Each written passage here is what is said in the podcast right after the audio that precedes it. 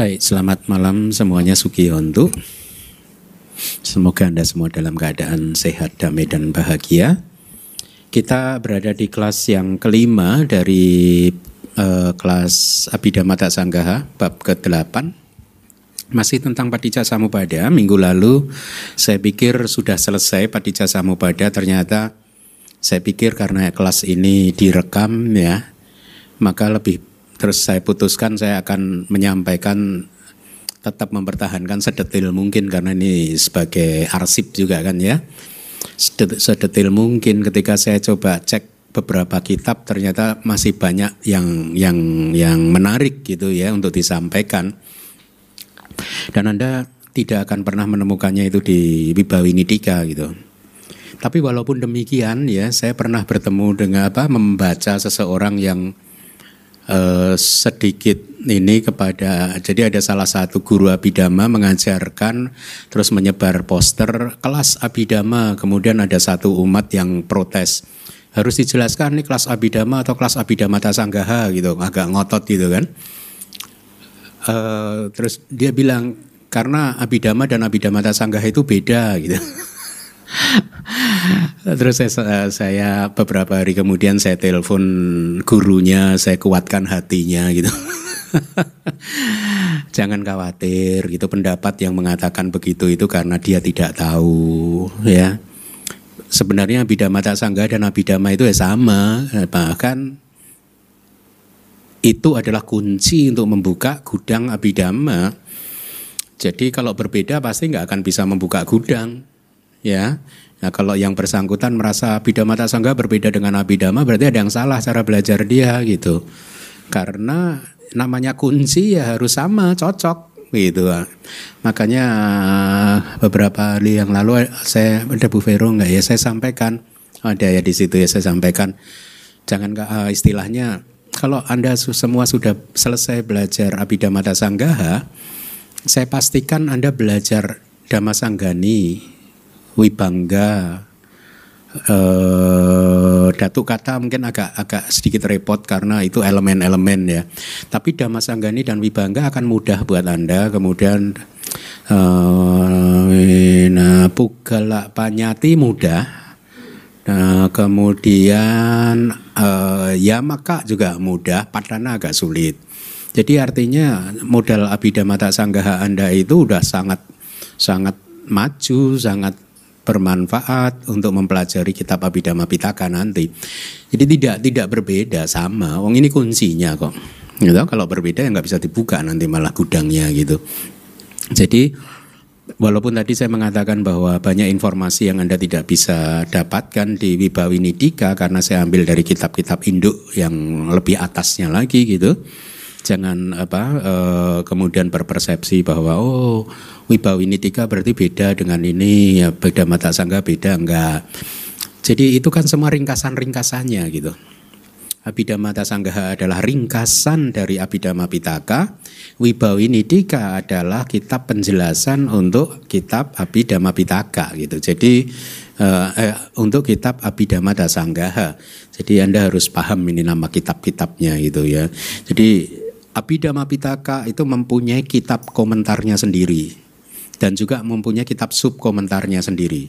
Karena ini sangat luas sekali Abhidhamma Pitaka ini, maka Acarya Anuruddha ini agak mengulang sedikit lagi, membuat ringkasan yang pendek sekali, yaitu sama sambu dhamma tulang tata dhamma ganutamang dan seterusnya itu diringkas.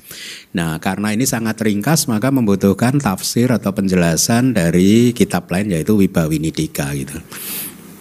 Ya. Uh, tapi di kelas-kelas saya ini sering kali saya tidak berhenti di Wibawinitika juga, tapi dari banyak kitab juga saya ambil. Apalagi kalau udah jadi buku itu udah sangat lengkap. Buku-buku manual Abidama yang kita terbitkan itu sudah sangat lengkap dari kitab baik itu Abidama Pitaka maupun kitab komentarnya gitu. Baik, uh, kita langsung saja ke slide ke-18 ya. Karena yang 17 yang pertama saya sudah sampaikan Anda harus pelajari sendiri gitu.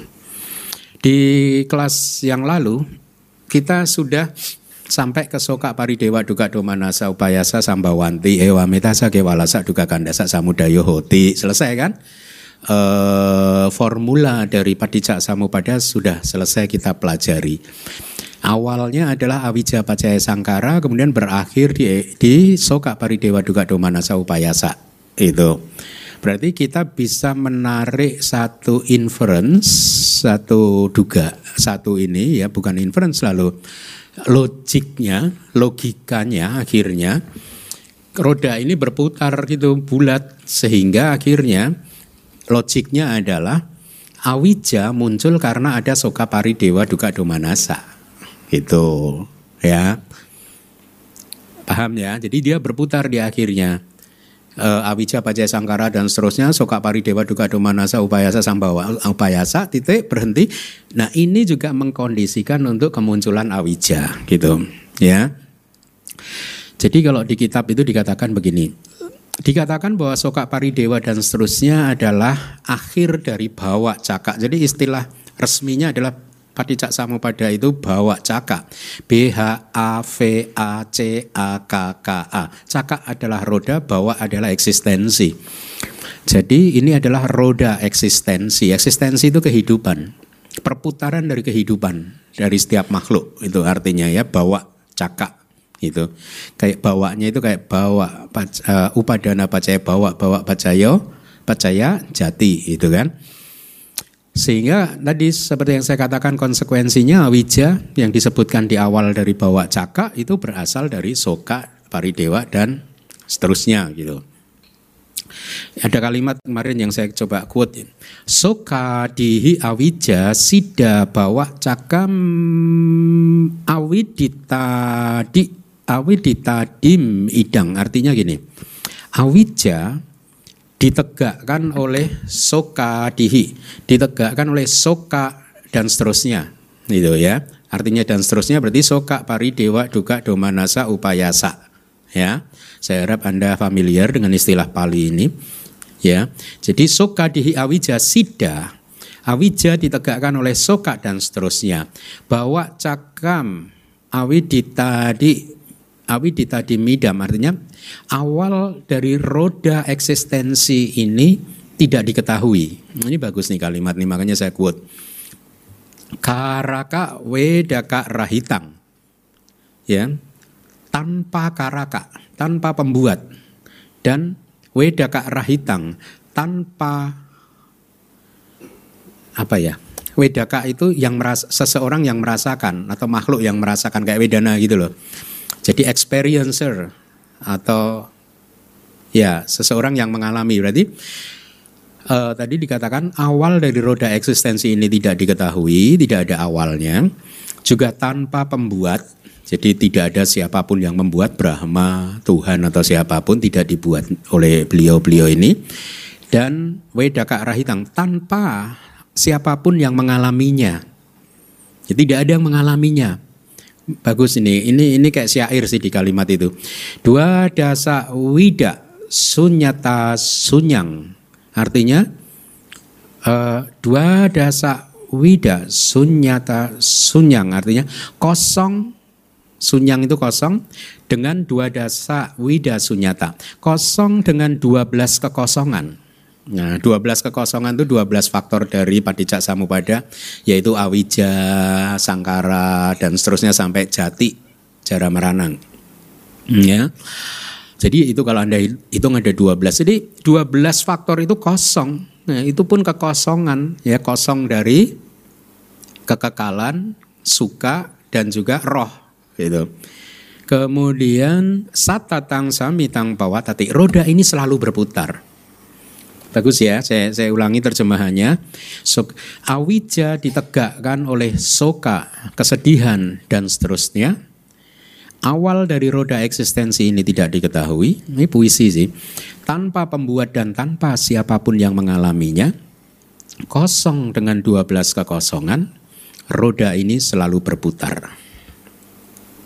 Jadi roda eksistensi atau padicak samupada ini selalu berputar selama seseorang berada di dalam samsara. Tapi begitu seseorang mencapai tingkat kesucian arahat, rodanya berputar balik. Ya. Jadi awal dari roda eksistensi ini tidak diketahui ya. Hmm. waktu pertama membaca apa belajar hal-hal yang seperti ini di di di Myanmar dulu ya, ya, mungkin ini saya tanyakan. Jadi ketika sekarang dinyatakan bahwa roda eksistensi ini tidak diketahui, Anda kecewa nggak sama Buddha? Kok Buddha nggak maha tahu? Huh? Kan saya berharap Buddha maha jagoan, maha tahu. Kayak Buddha mengatakan no, awal samsara nggak diketahui. Ya, pernyataan jujur. Ya toh? Kalau ya karena tercerahkan jadi harus pasti akan jujur kan nggak mungkin bohong kan. Kalau beliau berbohong berarti belum tercerahkan. Beliau sangat jujur dia mengatakan bahwa awal dari roda eksistensi ini tidak bisa ditemukan. Nah eh, bagaimana awija ini kemudian di, tadi dikatakan ditegakkan oleh kesedihan dan seterusnya kalau sedian dan seterusnya berarti apa? Soka, paridewa, duka, domanasa, upayasa kan? Ada sepertinya ada beberapa penjelasan. Yang pertama begini. Jadi soka, paridewa, duka, domanasa, upayasa itu tidak terpisahkan dengan awija. Ini menarik sih. Kalau Anda udah sangat menguasai bab satu dan bab kedua pasti akan mudah memahami kalimat tersebut. Saya ulangi lagi, soka pari dewa duka domanasa itu tidak terpisahkan dari awija. Paham nggak maksud saya? Paham ya? Karena kesedihan itu muncul dari aku salah cita. Di semua aku salah cita itu ada moha. Ya Makanya saya katakan kalau Anda belajar ini tapi nggak paham bab awal itu Anda nggak akan bisa merasakan manisnya padicak samubada di kelas yang pertama dulu kan makanya saya nggak pernah menerima permintaan untuk mengajar ini sebelumnya baru sekarang karena saya sadar akan akan akan menghabiskan energi untuk mengajar kepada seseorang yang tidak mempunyai fondasi bab 1 sampai bab 7 gitu. Nah, saya ulangi lagi. Jadi soka duk domana oh paridewa enggak Nanti akan dijelaskan. Jadi hanya soka paridewa. Paridewa enggak harusnya. Paridewa ini karena ratap tangis sih, ucapan sih, ini suara sih. Nanti akan dijelaskan. Jadi soka kecuali paridewa. Ya. Soka dan seterusnya kecuali paridewa itu tidak terpisahkan dari awija. Paham ya? Karena dia muncul bersama. Hmm? Dukanya di sini adalah sebentar sebentar suka duka doma nasa. Uh, dia wipaka ya. Tetapi sebentar sebentar. Suka duka doma nasa upayasa. Harusnya duka di sini akan dijelaskan lebih jauh lagi. Nanti coba kita lihat. Ya nanti coba kita lihat ya. Jadi tidak terpisahkan Lalu awida, paridewa, kenapa paridewa dikeluarkan dari rangkaian ini tadi, dikecualikan ya? Karena paridewa itu ditemukan, hmm, sebentar.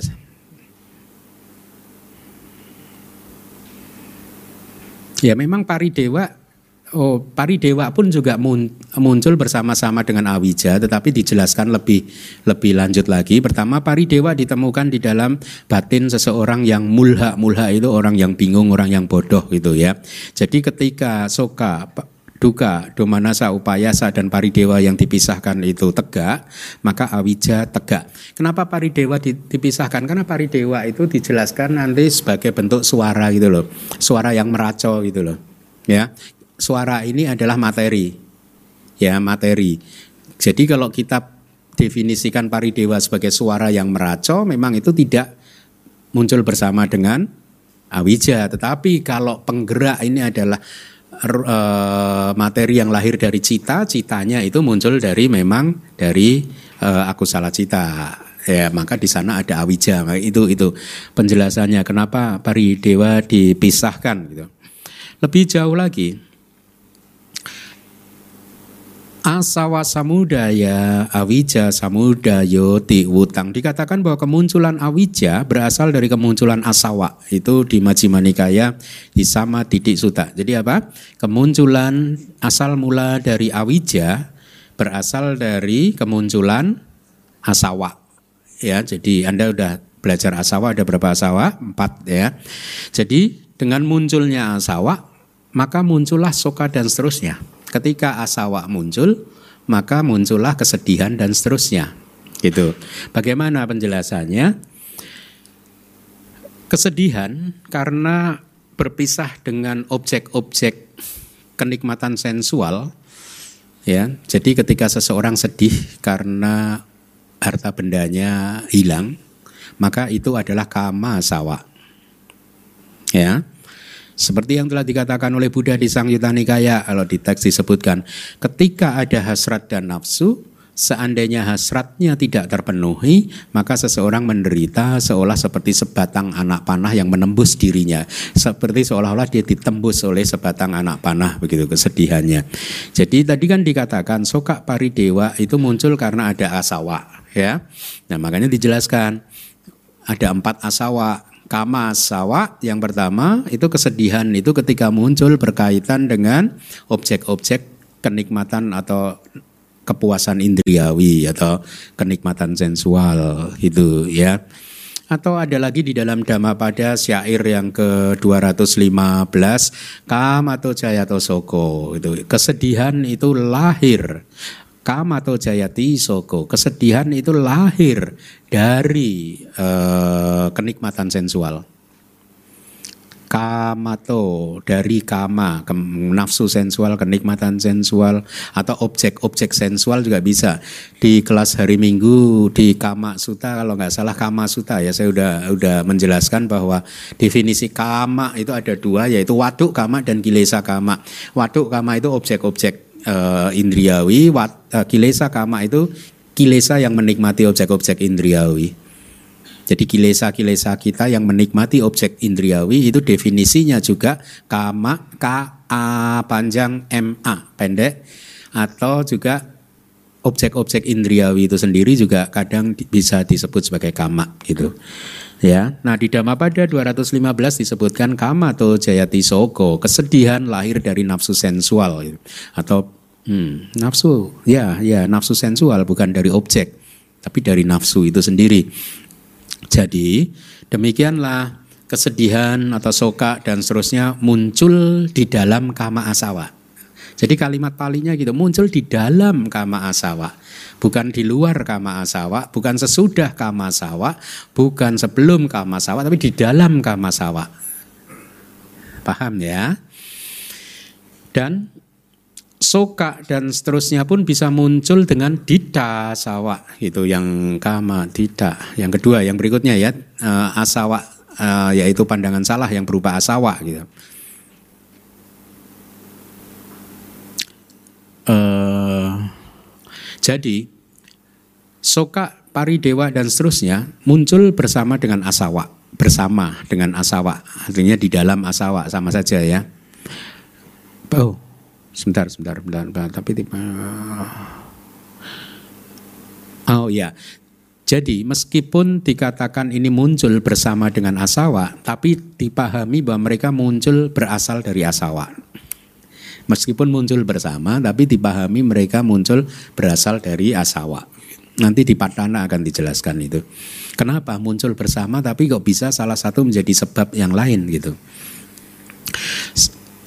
Ya sekali lagi inilah sebenarnya yang pernah saya katakan tidak mudah untuk mengajarkan abidama gitu e, karena harus paham bahasa Pali sebenarnya karena abidama kan sangat pelik seperti ini kan semakin saya mempersiapkan materi pengajaran itu semakin saya sadar bahwa kalau nggak paham Pali gimana ini mengajarkan ajaran abidama yang harus akurat gitu kan susah ya eh, akhirnya mengarang-arang sendiri jadi nggak akurat, kehilangan akurasinya gitu.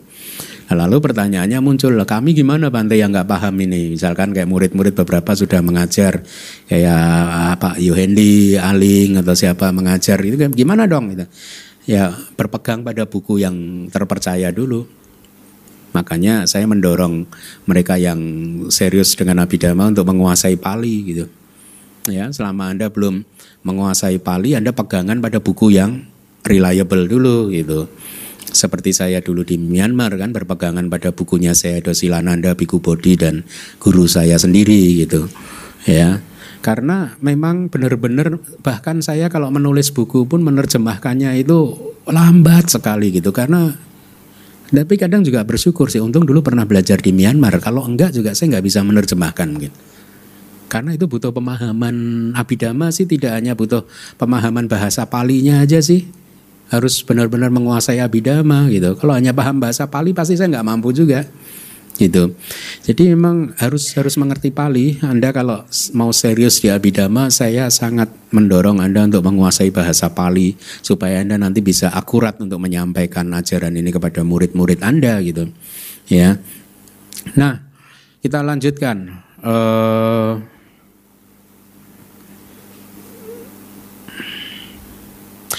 Jadi tadi disebutkan bahwa kesedihan dan lain-lain muncul karena apa atau bersama dengan didasawa kan asawa yang disebut pandangan salah kan. Jadi begini di kitabnya di Sang Yutani Kaya itu ada kalimat saya adalah materi atau tubuh jasmani gitu. Ini adalah materi saya. Ketika materi atau tubuh jasmani ini mengalami perubahan disebutkan maka pada saat itu pariudana kilesa kukuh Artinya ketika tu, ketika pada saat seseorang menganggap ini adalah tubuh jasmani saya, ya di kelas hari Minggu sering kita kupas ini. Kemudian ketika tubuh jasmani ini berubah tidak sesuai dengan harapan kita, maka pariudana kilesa kukuh. Anda ingat nggak kilesa itu ada tiga? Yang masih tidur itu namanya anusaya kilesa. Begitu tidur dia bangun itu namanya pariudana kilesa. Dia tegak muncul di arus kesadaran kita bergejolak di pikiran kita itulah pariudana kilesa. Kalau sudah keluar melalui mulut, melalui mata, melalui tangan itu namanya apa? Witik kama kilesa. Kilesa yang sudah lompat pagar. Transgression gitu. Jadi jadi kalau seseorang yang marah dengan mengucapkan kata-kata itu udah kilesa paling kasar, udah udah nggak bisa ditahan lagi akhirnya luber. Gitu. Nah, jadi disebutkan ketika seseorang yang mempunyai pandangan salah seperti itu kemudian mengalami peru, eh, ketika tubuh jasmani mengalami perubahan maka pariudana kilesanya akan kukuh artinya pariudana kilesa itu nama lain dari soka paridewa duga domanasa. Ya toh? Soka kesedihan itu kan tidak lain adalah kilesa yang sedang berkecamuk kan di dalam hati dalam pikiran kita kan? Paham ya? Jadi pariudana kilesa itulah soka dan seterusnya. Kesedihan dan seterusnya gitu. Juga kesedihan dan seterusnya muncul bersama dengan bawa sawa. Yaitu asawa yang ini uh, dinamakan eksistensi. Diberi contoh ketika para dewa ketakutan akan kematian, ya. Uh, jadi disebutkan para dewa apa pun yang berumur panjang, yang cantik, yang penuh kebahagiaan, hidupnya ketika mendengar ajaran Buddha maka mereka akan segera ketakutan, cemas dan akhirnya muncul sang wega ya. Ketakutan itulah kesedihan gitu. Jadi bahkan asawa terhadap eksistensi juga bisa muncul. Ya, ketika dewa ketakutan hidupnya mau berakhir, sebenarnya nggak hanya dewa ya. Bedanya dewa itu kalau mau meninggal dunia tahu. Makanya sering diberi contoh dewa menangis karena tahu mau meninggal. Karena tanda-tandanya kelihatan bunganya mulai layu, ketiaknya mulai berkeringat, gitu. Terus jadi mereka tahu kalau mau meninggal dunia. Enak ya? Kenapa manusia nggak gitu sih? Jadi tahu gitu kapan saya mau jadi biku gitu. Begitu tanda muncul jadi biku gitu. Juga kesedihan dan lain-lain muncul dengan awija sawa, sawa yang berikutnya yang ini jelas ya nggak perlu penjelasan sebenarnya. Awija sawa awija itu moha kan? Sudah pasti gitu. Orang bodoh itu di dalam contohnya diberi contoh begini. Orang yang bodoh mengalami tiga jenis duka domanasa di kehidupan saat ini juga. Tiga jenisnya itu harusnya tiga pintu kali ya. Hmm saya lupa nggak ada penjelasannya sih. Tiga jenis duka dan domanasa tiga jenis uh, oh mungkin mungkin juga atau dari pintu enggak ya mungkin juga Tiga jenis duka, satu duka dan dua domanasa. Dengan demikian, karena soka, paridewa dan seterusnya muncul bersama dengan asawa, maka ketika mereka tegak, ya, mereka juga menegakkan asawa. Paham ya? Karena dia muncul bersama asawa ini. Kesedihan dan seterusnya itu muncul bersama-sama dengan asawa, muncul di dalam asawa.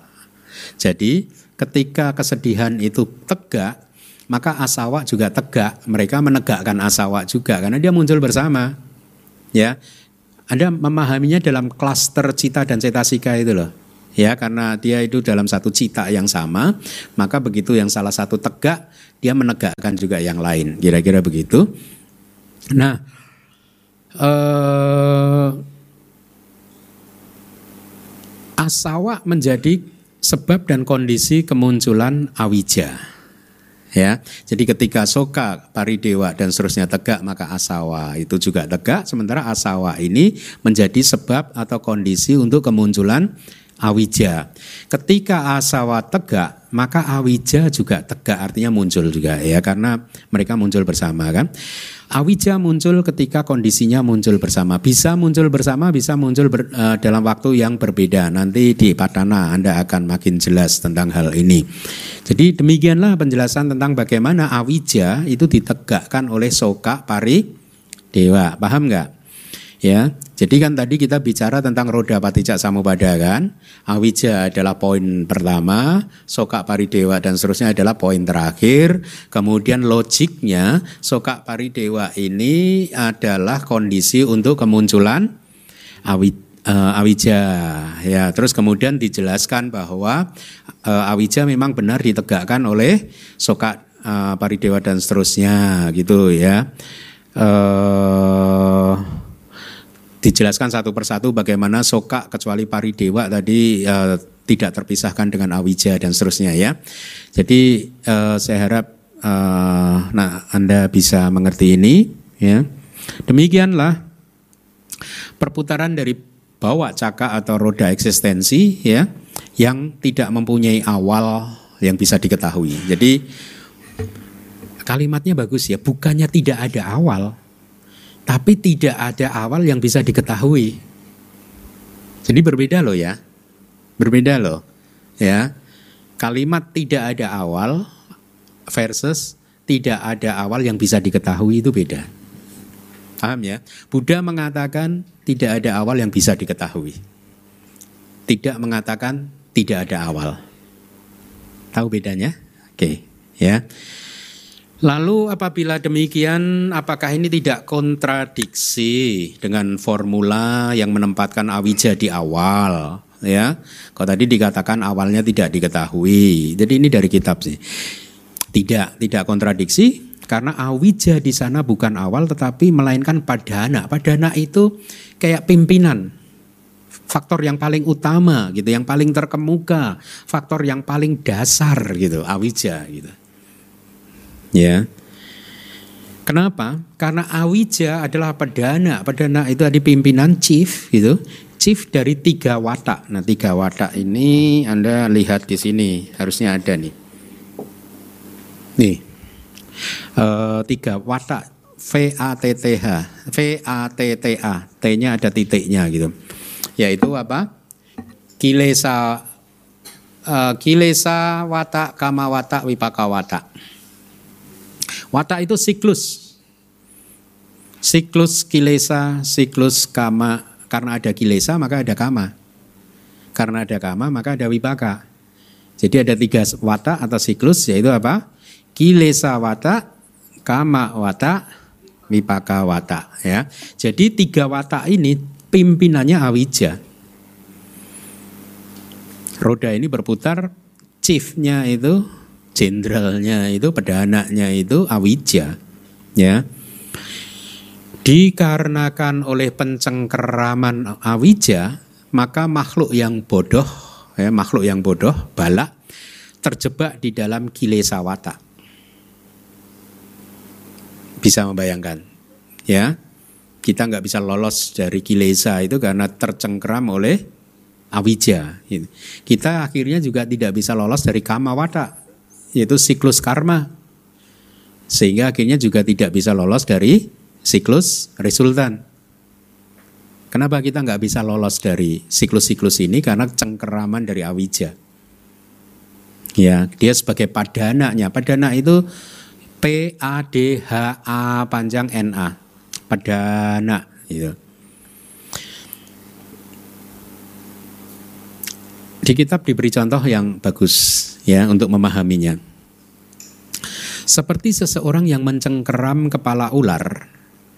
Ketika dia mencengkeram kepala ular, maka tubuh dan ekor ular tersebut akan melilit tangannya. Bayangkan ya. Eh, akan tetapi ketika kepala ular itu dipotong, maka lilitannya juga pelan-pelan akan terurai. Ya, sama. Kita terlilit oleh kilesa ketika kepalanya itu dipotong, chiefnya dipotong, kepalanya dipotong, yaitu awijanya dipotong, maka lilitannya akan terurai. Bagus ya?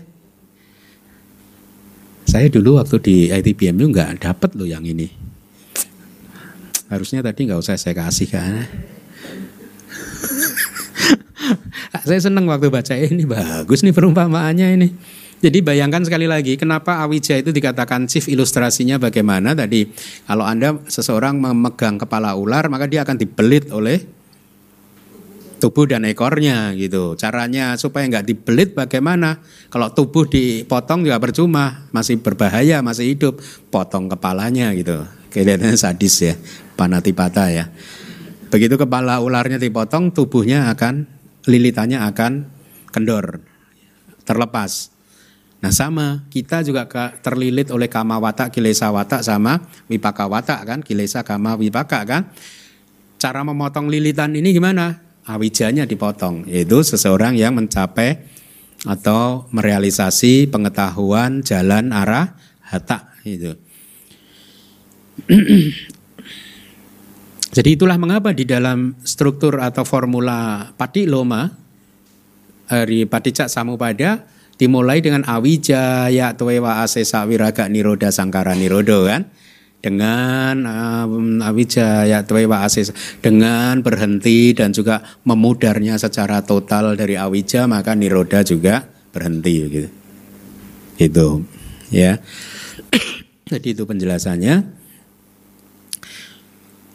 Dengan demikian Paticak Samubada mengajarkan awija itu hanya sebagai kepala yang dikarenakan oleh ceng yang dikarenakan mencengkeramnya maka seseorang terjerat di tiga wadah. Jadi awija ini kayak ular. Kayak kepala ular ya karena kita mencengkeram kepala ular karena kita mencengkeram awija maka kita ini terjerat oleh tiga wadah yaitu apa tadi kilesa wata, kama wata, wipaka wata. Siklus kilesa, siklus kama, siklus wipaka. Karena ada kilesa kita melakukan kama, karena ada kama ada wipaka. Itu ya. Nah, roda eksistensi ini tanpa siapa pun yang mengalaminya juga ini menarik. Gak ada, jadi Anda nggak mengalami tenang aja. anata, anata ini pelajaran anata. Ya tapi kok sepertinya seolah-olah saya yang mengalami ya itulah sakaya didik ya kalau anda masih merasa kok saya mengalami ya itulah sakaya didik itu kayak gitu itu. Ya karena anda memberi identitas terhadap nama rupa anda gitu ya. Jadi roda eksistensi ini tanpa siapa pun yang mengalaminya yang ada hanyalah awija dan seterusnya awija sangkara dan seterusnya yang muncul dan lenyap. Oleh karena itu oleh karena sebenarnya semua faktor tersebut adalah kosong dari kekekalan, kosong dari kecantikan. Kenapa? Karena dikotori oleh kilesa, ya. Makanya dia nggak cantik, nah, nggak gagah, nggak ganteng. Kosong dari kebahagiaan, kenapa?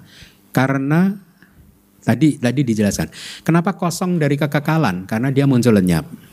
Kosong dari kecantikan, kenapa? Memang nggak cantik, nggak indah, karena dikotori oleh ki Lesa.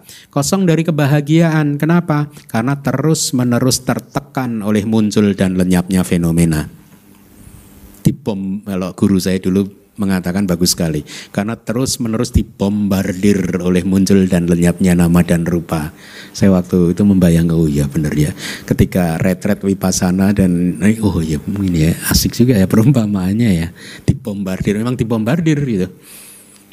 Cepat sekali kita uh, muncul lenyap muncul lenyap gitu. Uh, kemudian kosong dari kebahagiaan karena tadi tertekan dengan muncul lenyap dan kosong dari roh, tidak ada roh yang menjadi dalam konteks tidak ada penguasa yang mampu mengendalikan roda ini. Ya, nggak ada yang bisa mengembali, mengendalikan roda eksistensi ini karena mereka muncul dengan bergantung pada kondisinya masing-masing.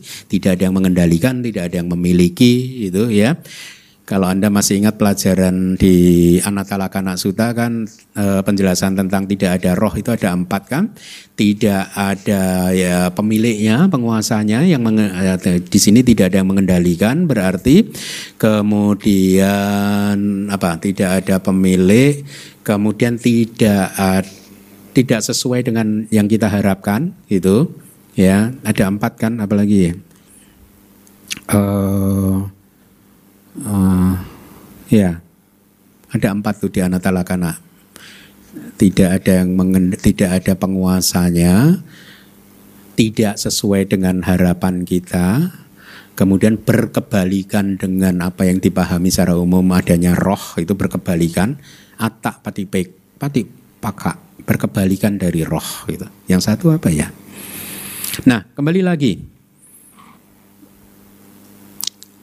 Jadi dengan kata lain maka awija dan seterusnya itu bukan roh ya yang uh, bukan milik roh, tidak berada di dalam roh, tidak memiliki roh dan oleh karena itu roda eksistensi ini dipahami sebagai kosong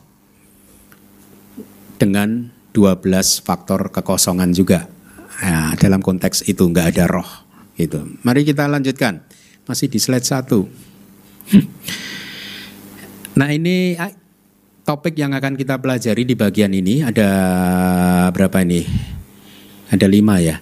Hendaknya dipahami bahwa ada satu, tiga waktu, dua belas faktor, dua puluh ragam, tiga sambungan, empat grup, tiga putaran dan dua akar. Ada tujuh.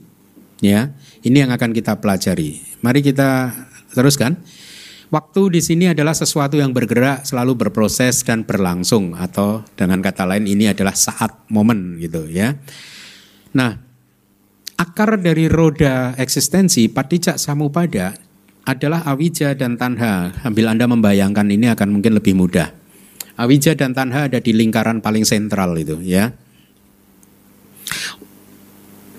Yang disebut waktu di dalam roda ini ada tiga ya yaitu masa lalu, kehidupan lampau, kehidupan sekarang dan juga kehidupan yang akan datang di dalam satu roda ini, ya. Kehidupan lampau e, waktu di dalam roda ini ada tiga, di mana masing-masing Anda hafalkan aja dua delapan dua ya, ya dua delapan dua. Ah, ini bukan kode ya. Dua delapan dua itu artinya masa lampau ada dua faktor, yaitu apa? Awija dan Sangkara. Masa depan juga ada dua faktor yaitu apa? Jati Jera Marana ya itu satu paket Jera Marana ada dua. Tengahnya itu ada delapan itu adalah masa sekarang. Ya makanya kalau anda lihat ini hanya tiga masa itu. Ya nanti kita pelan-pelan juga akan kita urai satu per satu. Jadi hafalkan tadi kodenya apa? 282. Nah dikatakan bahwa awija adalah tadi dikatakan akarnya kan dua kan, awija dan tanha. Awija adalah akar dari kehidupan lampau. Sedangkan perasaan uh, uh, maksudnya awija adalah akhir uh, akar dari masa lalu yang berproses berakhir di perasaan. Jadi awija, sangkara, winyana, nama rupa, salayatana, pasa, kemudian wedana, stop. Tanha adalah akar yang kedua gitu. Akar dari kehidupan saat ini ya dengan akhirnya di mana? Jara marana dari kematian dan usia uh, usia tua dan kematian ya yang akan terus berlanjut ke masa depan. Mari kita lihat slide berikutnya. Bagaimanakah Tiga waktu yaitu ketidaktahuan dan formasi intensional adalah masa lampau. Tadi sudah saya jelaskan. Kelahiran, usia tua dan kematian adalah masa yang akan datang. Ini ada dua juga karena kematian dan uh, usia tua dan kematian itu satu, ya. Kemudian delapan yang di tengah adalah masa kini. Tahu ya? Delapan yang di tengah adalah dimulai dari setelah sangkara. Apa? Winyanang sampai Wedana. Itu kalau Anda hitung ada berapa? Hah? Bawa ya.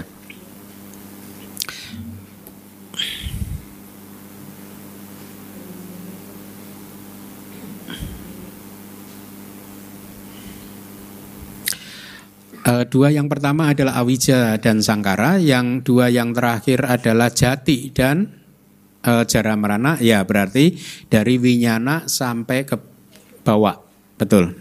Ada delapan. Karena winyana sampai wedana harusnya cuma lima ya. Nah. Ya, jadi dia dua dua iri dua potong ya.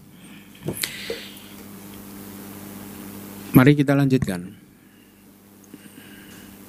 penjelasannya ketidaktahuan atau awija dan formasi-formasi intensional adalah waktu yang lampau. Oleh karena yang dimaksud di sini hanyalah untuk sebab-sebab yang termasuk di dalam eksistensi yang lampau dan dengan pengambilan waktu hanya ketidaktahuan dan sangkara yang diambil. Oleh karena tidak adanya perolehan yang terbebas dari waktu itu eh, kalak wimuta untuk masing-masing dari keduanya. Jadi ini penjelasannya. Oleh karena hanya dama-dama yang telah hilang dan belum muncul yang dinyatakan berdasarkan waktu di masa lalu. Jadi dulu ada terus hilang. Begitu hilang dia udah jadi masa lalu. Kalau belum hilang dia belum jadi masa lalu tapi masa sekarang gitu ya.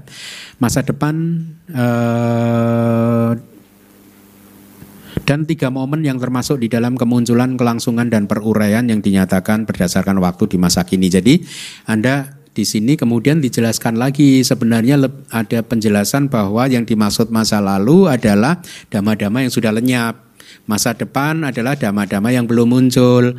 Masa sekarang adalah dama yang masih ya, ini dalam kemunculan, kelangsungan dan juga e, peruraian. Kemudian slide berikutnya kelahiran, usia tua dan kematian adalah waktu yang akan datang oleh karena mereka muncul di masa depan dari sebab masa kini artinya dari sebab di dalam kehidupan uh, saat ini. Gitu. Kalau anda perhatikan ini di irisan nomor dua ya harusnya ya.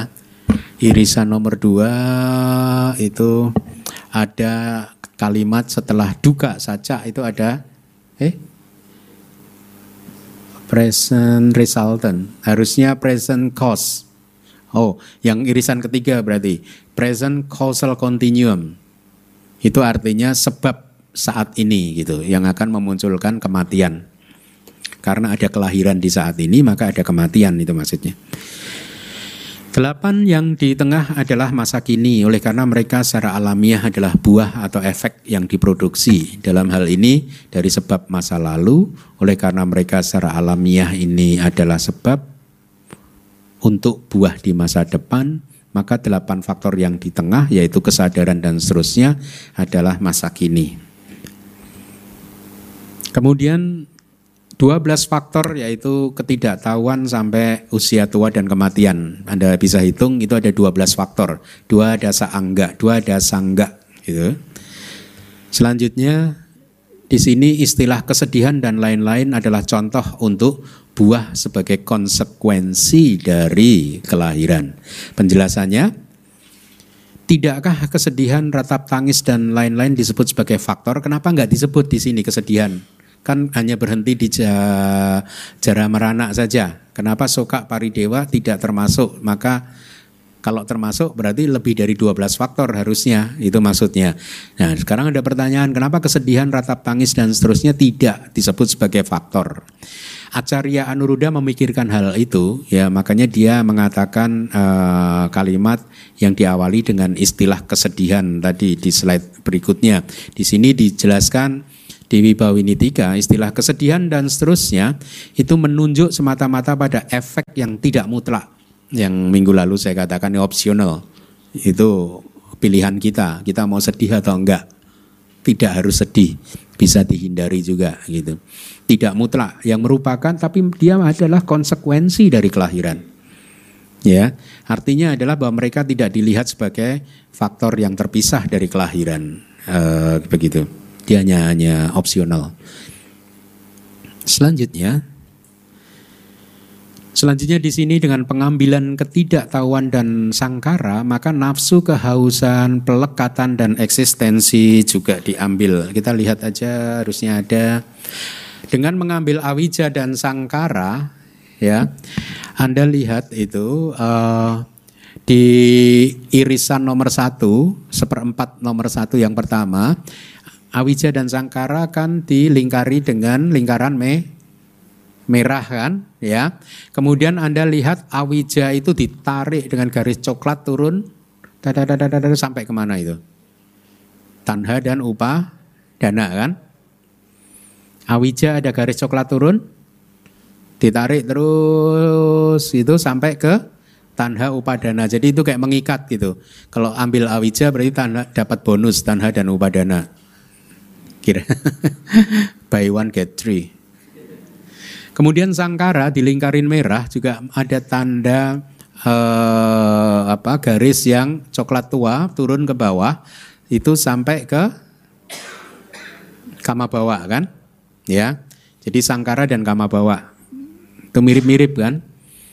Minggu lalu udah dijelaskan kan apa persamaan dan perbedaan antara sangkara dan kama bawah kan? Ya. Nah, ini sesuai dengan slide ini. Dengan pengambilan ketidaktahuan dan formasi intensional atau sangkara, maka nafsu kehausan, tanha, pelekatan, upadana, dan bawa eksistensi juga diambil. Demikian pula dengan pengambilan nafsu kehausan, pelekatan, dan eksistensi, maka ketidaktahuan dan formasi intensional diambil. Jadi bolak-balik gitu. Dan dengan pengambilan kelahiran, usia tua, dan kematian, maka penta, penta. Di sini emang harus diterjemahkan jadi penta bukan lima. Beda. Penta itu group of five gitu. Satu grup isinya lima gitu. Karena pancaka ini bahasa palinya sering diterjemahkan di ini hanya lima gitu. Salah nggak boleh gitu. Karena lima bukan pancaka gitu Penta buah yang diawali dengan kesadaran diambil. Paham nggak kalimat yang terakhir? Jadi dengan pengambilan kelahiran, usia tua dan kematian, maka penta buah, jadi buah yang terdiri dari lima dhamma yang diawali dengan kesadaran itu diambil. Anda paham nggak? Karena sesungguhnya ke kelahiran, usia tua dan kematian itu tidak lain dan tidak bukan hanyalah winyana nama rupa pas salayatana pasawedana. Iya ya. Ya, itu yang resultannya ya. Karena karena apa ini eh, kelahiran dan usia tua saya saya belum buka diagram ini jadi lupa-lupa ingat. Eh, mana kelahiran dan usia tua di mana ya? Hmm? Kelahiran jarak merana itu kan, ya dia delapan wipaka watak. Delapan wipaka watak itu harusnya dari wipaka yang satu lima itu di atasnya itu ada kan? Winyana nama rupa salayatana pasa wedana jati upapati bawa jati dan upapati bawa itu sama. Ya jadi satu. Oke. okay uh, bagi yang lain. Kita sedang membaca di diagram ini di nomor 4. Oke. Okay? Ya. Uh, tadi kita bicara tentang jara marana kan? Dengan pengambilan jara marana maka uh, kalau di sini kan tiga nih. Dengan pengambilan kelahiran, usia tua dan kematian. Ya toh? Berarti di sini jati jara marana. Oke? Okay? Ya itu berarti lima yang lain diambil. Berarti lima plus tiga berapa? Delapan. Nah, delapan ini resultan. Kalau Anda ingin tahu delapan ini yang mana, itu di bagian empat itu Anda baca yang di atasnya jara merana atau di atasnya jati, itu ada winyana, nama rupa, salayatana, pasawedana. Dia adalah present resultant. Ya, dia ada di bagian kedua harusnya. Ya, di bagian kedua itu present resultant continuum. Jadi kalau Anda hitung winyana nama rupa salaya tanah pasawedana jati dan jara marana. Ada berapa? Hmm? Ada delapan kan? Winyana, nama rupa, salayatana, pasa, wedana, jati, jara, marana. Karena jati dan upapati bawa itu sama. Upapati bawa juga jati kan kelahiran kembali kan. Ya. Nanti akan makin jelas seiring dengan ini. Sekarang dihafal-hafalkan dulu. Penjelasannya Nafsu kehausan, pelekatan, dan eksistensi juga diambil oleh karena kesamaan sifatnya sebagai kilesa. Paham ya? Jadi ketika awija dan sangkara diambil, maka tanha, upadana, dan bawa juga diambil karena sama-sama kilesa. Dengan pengambilan ketidaktahuan, nafsu kehausan dan pelekatan juga diambil. Ini tadi dengan mengambil awija maka tanha dan upadana diambil. Dengan mengambil sangkara, maka kama bawa diambil. Ya. Dengan pengambilan formasi intensional, maka eksistensi sebagai kama diambil. Paham ya? Ini yang tadi kan. Demikian juga dengan pengambilan nafsu kehausan, yaitu tanha, maka oh, dengan pengambilan tanha, upadana, dan bawa, maka awija dan sangkara juga diambil. Demikianlah hubungan di antara mereka. Oke, ini akan lebih membantu Anda. Awija Anda lihat tali coklatnya, coklat muda, sangkara coklat tua. Kita lanjutkan. Oleh karena kelahiran, usia tua dan kematian hanyalah kelahiran, pelapukan dan peruraian kesadaran batin dan jasmani, maka enam uh, batin dan jasmani enam landasan indriawi kontak dan perasaan, maka beliau telah mengatakan kalimat dan dengan pengambilan kelahiran, usia tua dan kematian, maka penta buah yang diawali dengan kesadaran juga diambil. Ini delapan resultan tadi loh, delapan wipaka tadi loh, ya paham nggak? Jati, jarak, marana, winyana, nama rupa, salayatana, pasa, wedana. Lima, nah sekarang huh? Speak susah ya? Yang mana yang bingung?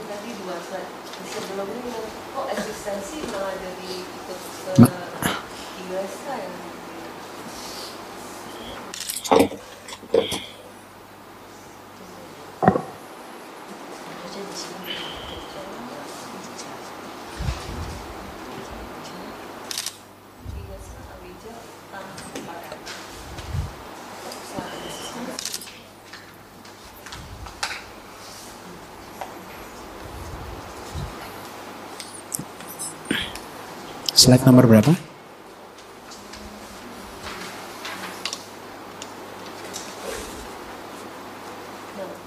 Hmm? nomor berapa? Ini. Nafsu kehausan. Ya, diambil.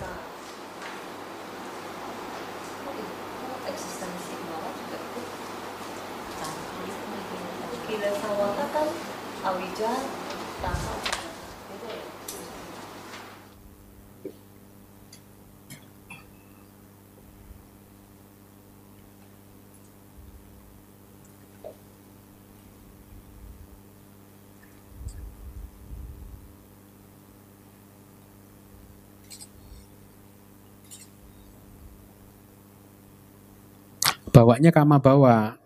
Kama bawa bukan termasuk kama wata. Hah? Beda ya, jadi penjelasannya beda.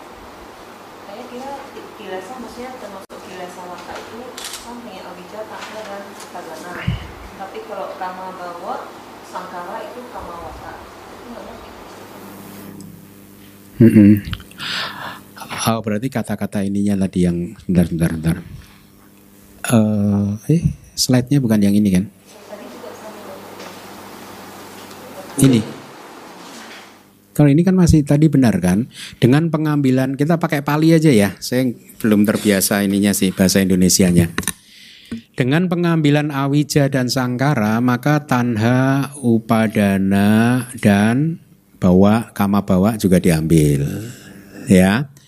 Karena formasi intensional sangkara dan kama bawa itu adalah sama. Demikian pula dengan pengambilan tanha, upadana dan bawa maka awija dan e, sangkara diambil.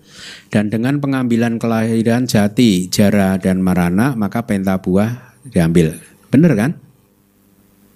Oke. Ini masih benar. Nafsu kehausan, e, tanha, upadana dan bawa diambil oleh karena kesamaan sifat mereka sebagai kilesa maka dengan pengambilan ketidaktahuan Oh enggak, yang diambil itu lihat. Oleh karena kesamaan sifat sebagai kilesa, maka dengan pengambilan awija, tanha, dan upadana diambil, enggak termasuk bawa. Ya. Oke. Okay? Anda udah mulai paham palinya enggak sih? Kalau paham kita pakai pali. Saya kadang juga istilah Indonesianya dulu dulu belajarnya pali sih. Ini udah benar. Uh, masih bingung. Dengan pengambilan sangkara, maka kama bawa diambil sama kan sangkara dan kama bawa sama demikian juga dengan pengambilan tanha upadana dan bawa maka bawanya di sini adalah kama bawa maka awija dan sangkara diambil sama kan dengan awija dan tanha tadi oke boleh lanjut boleh enggak Oh. oh. Ini udah kan tadi? Lanjut lagi. Kita sampai di sini. Ini nih, ini juga hafalan baru. Jadi ada 20 nih, 20 apa nih namanya? Uh, dua empat grup ya, 20 ragam gitu. Dua dasa akara, ini saya terjemahkan ragam. Lima sebab di masa lalu. Ya, sebenarnya sebab akibat sebab akibat saja sih. Ya, pertama adalah lima sebab di masa lalu, kemudian penta buah di masa sekarang, jadi sebab dan akibat kan. Kemudian lima sebab di masa sekarang dan penta buah di masa yang akan datang. Mudah sih ya. Jadi apa? Lima sebab di masa lalu, penta buah di masa sekarang, lima sebab di masa sekarang, penta buah di masa depan. Jadi sebab akibat sebab akibat sebab dari masa lalu berefek di sekarang, sebab dari sekarang berefek ke masa depan. Itu itu disebut 20 ragam, tiga sambungan dan empat grup. Ya. Untuk mudahnya begini, 20 ragam itu Anda pahami nomor satu di diagram ini ya uh, dihafal dulu nanti pemahamannya belakangan dulu saya juga begitu. Di angka nomor satu ada uh, di lingkaran di baris yang ketiga awi eh Ya, baris ketiga benar ya itu ya. Awija, Sangkara, Tanha, Upadana, Bawa. Lima kan, itu adalah lima sebab dari masa lalu. Kemudian nomor dua di baris yang sama, di lingkaran yang sama, yaitu winyana nama rupa salayatana pasa wedana itu adalah buah di masa sekarang, ya. Kemudian sebab di masa sekarang apa? Tanha Anda, nafsu-nafsu pelekatan Anda, uh, nafsu kehausan Anda. Tanha upadana bahwa awija sangkara itu adalah sebab di masa sekarang, bisa menjadi sebab di masa sekarang. Kemudian buah di masa mendatang adalah apa? Minyana nama rupa salayatana pasa wedana. Itu lima lima lima lima gitu. Nah, tiga sambungan ti sandi itu yang mana? Ini juga kalau Anda hafalkan mudah. Sambungan itu yang merah ini yang merah. Antara link dari sangkara ke winyana kan ada sambungan merah kan? Link tulisan link. Ya. Jadi link pertama sambungan yang pertama adalah dari sangkara ke winyana. Kenapa? Karena ini adalah sambungan dari sebab ke akibat. Oke. Link yang kedua adalah dari wedana ke tanha. Kenapa? Karena ini adalah link dari buah ke sebab. Oke. Link yang ketiga adalah dari bawa ke jati. Kenapa? Karena ini adalah dari sebab ke akibat, sebab, akibat, sebab, akibat. Ulangi lagi link yang pertama dari apa? Seharusnya kalau Anda ingat ini akan mempermudah sih. Sangkara ke Winyanang. Link yang kedua Wedana ke Tanha. Link yang ketiga bawa ke ya pelan-pelan Anda ini sangat membantu sih. Saya dulu pernah retret satu wasa dengan master ini. Jadi ini dari Mogok Seado. Kalau Anda googling di internet uh, terkenal itu Mogok Seado M O G O K bukan mobil Mogok ya. Ini nama kota sih Mogok gitu. Seado. Jadi guru di kota Mogok gitu. Saya pernah di ininya uh, pemukanya bantenya yang terkenal itu saya pernah berguru sama beliau selama satu wasa gitu. Retret dengan mengikuti Patijak Samupada. Oke, kita lanjutkan penjelasannya. Ini harusnya sudah tidak perlu dijelaskan ya. Hmm, yang 20 tadi nggak perlu saya jelaskan lagi ya. Jadi kita coba lihat dulu awija dan sangkara, ya. Oleh karena ada awija, ketidaktahuan, maka seseorang menjadi paritas sati. Paritas sati itu semacam excited. Ya. Jadi karena ada awija maka seseorang bisa excited. Excited itu apa ya? Kayak merindukan sesuatu ya, menginginkan apa ya? bergejolak begitu, ya. Ya. Jadi penjelasan awija sangkara saya ulangi lagi. Karena ada awija maka seseorang excited. Jadi kalau anda excited terhadap sesuatu itu karena ada awijanya. Karena excited seperti itu akhirnya tanha muncul. Ya paham ya? Uh, logiknya ya. Ketika tanha muncul maka tidak tertahankan upadana dan seterusnya bawa muncul. Ya yang bisa ditahan adalah di Wedana Pacaya Tanha sebenarnya dari Padicak Samupada ini. Selebihnya nggak bisa ditahan. Sama, begitu muncul Winyana Patisandi, maka nama rupa Salayatana nggak tertahankan muncul kan. Udah nggak bisa dihindari kan. Jadi makanya di sini kalau Anda lihat satu-satunya tanda panah jalan keluar itu ada di itu panah keluar merah itu di link mana? Wedana dan Tanha bisa keluar di situ. Artinya kita bisa keluar dari samsara itu di situ itu sebenarnya. Ya. Nah, karena awija seseorang excited akhirnya tanha muncul dan upadana dan seterusnya muncul. Padi Sambida Maga ini salah satu kitab mengatakan begini. Purima kama bawa seming moho awija itu. E, di dalam kama bawa sebelumnya ya di dalam kama kama bawa yang lalu ada moha atau awija. Paham ya? Kemudian akumulasi kama adalah sangkara-sangkara ini dari kitab sih, ini terjemahannya ya. Ayuhana sangkara. Nikanti tanha. Jadi ini didefinisikan. Jadi di dalam kama bawa yang lampau yang sudah terjadi itu ada moha awija. Akumulasi dari kama itu disebut sangkara. Hasrat, kerinduan, harapan, nafsu, kehausan. Nah, dari situ ada hasrat, ada tanha, kira-kira begitu ya. Ketika ada tanha ada penggenggaman yaitu upadana di sini ya. Kemudian ada bawa juga karena bawa itu di sini adalah kama bawa sama dengan sangkara yang tadi kan? Ya. Jadi lima dhamma ini di kama bawa yang lalu di sini adalah kondisi untuk pati sandi. Ini dari pati sambidamaga satu kitab. Jadi ada lima dhamma yang menjadi kondisi untuk pati sandi. Apa tadi? Kama bawa awija sangkara tanha upadana. Penjelasannya, yang dimaksud dengan kama bawa yang sebelumnya adalah kama bawa di kehidupan lampau. Ada moha dan awija artinya karena ada moha dan awija lah maka dia di kehidupan lampau melakukan kama. Paham?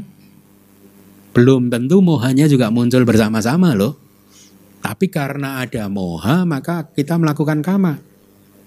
Paham ya? Nanti di Padana akan dipelajari. Ada moha yang mendorong munculnya kama dengan muncul bersama-sama.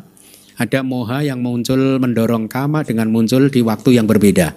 Moha muncul dulu, kamanya terdorong di momen yang berbeda.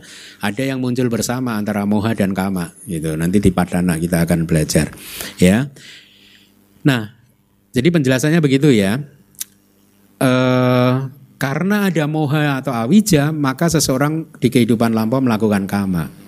Selama masih ada moha, kama masih tercipta. Arahat sudah menghancurkan awija, maka dia tidak melakukan kama. Akumulasi dari kama itu di sini yang disebut sebagai sangkara-sangkara yaitu cetana yang sebelumnya yang muncul di rangkaian kesadaran seseorang yang melakukan kama gitu. Seperti misal cetana yang muncul ketika kalau ini di kitab nih cetana yang muncul ketika mempersiapkan dana, walaupun niat itu mungkin muncul sebulan atau setahun, ya, walaupun uh, berdananya itu muncul sebulan atau setahun sesudah ada pikiran saya ingin berdana, paham nggak ini? Ya, jadi uh, cetana yang muncul di rangkaian kesadaran seseorang yang melakukan kama seperti cetana yang muncul ketika mempersiapkan dana gitu aja ya Walaupun ini mungkin kejadiannya mungkin sudah niatnya udah sebulan yang lalu tapi baru kesampaian bulan ini dipersiapkannya gitu. Akan tetapi cetana yang muncul ketika dia meletakkan persembahannya di tangan penerima itu disebut bawa di sini. Ini dari kitab apa ini? E, Wibangga harusnya. Jadi dia membedakan antara sangkara dan bawa. Kira-kira begitu. Sangkara di masa lalu, bawa di masa sekarang kan? Jadi niat yang awal itu cetana yang awal itu adalah akumulasi sangkara ya dalam hal ini. Niat mempersiapkan masih kayak Anda kalau mau berdana mempersiapkan dulu di rumah katanya kalau di ini dibedakan ini adalah sangkara. Begitu Anda mempersembahkannya ke penerima maka inilah kama bawa. Muncaknya itu bawa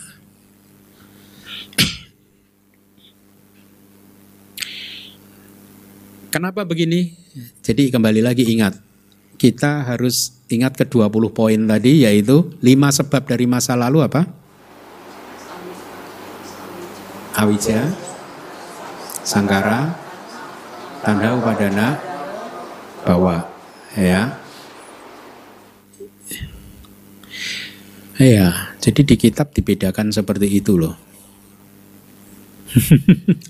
Pelik ya. Dibedakan begitu. Jadi sangkara adalah ketika mempersiapkan, kama bawa adalah ketika muncak cetananya ya. Hmm, ini kalau saya jelaskan lebih jauh lagi Anda makin puyeng nih. Iya, ada. Hmm.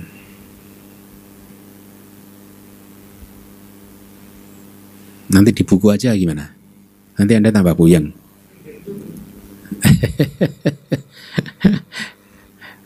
Nanti aja di buku ya, mungkin Anda bisa mencernanya. Jadi kira-kira begini, di dalam single witi dengan proses kognitif dengan satu awajana, ada tujuh jawana, cetana di enam jawana yang pertama itu adalah sangkara, cetana yang terakhir itu bisa juga, di, ini hanya analisis-analisis sih. Cetana yang ketujuh itu bawa, atau alternatifnya cetana apa pun adalah bawa, sedangkan dhamma yang berasosiasi dengan cetana adalah sangkara. Makanya Anda puyeng nanti. Karena ini ini cara cara analisis, cara berpikir. Jadi kalau kalau untuk hmm,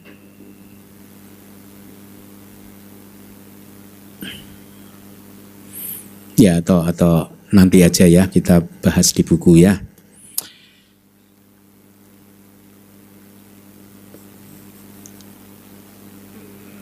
Jadi ad, tadi dikatakan juga eh, di dalam kama bawa sebelumnya ada moha dan awija, akumulasi kama adalah sangkara, ada hasrat atau tanha, ada penggenggaman upadana, begitu ya.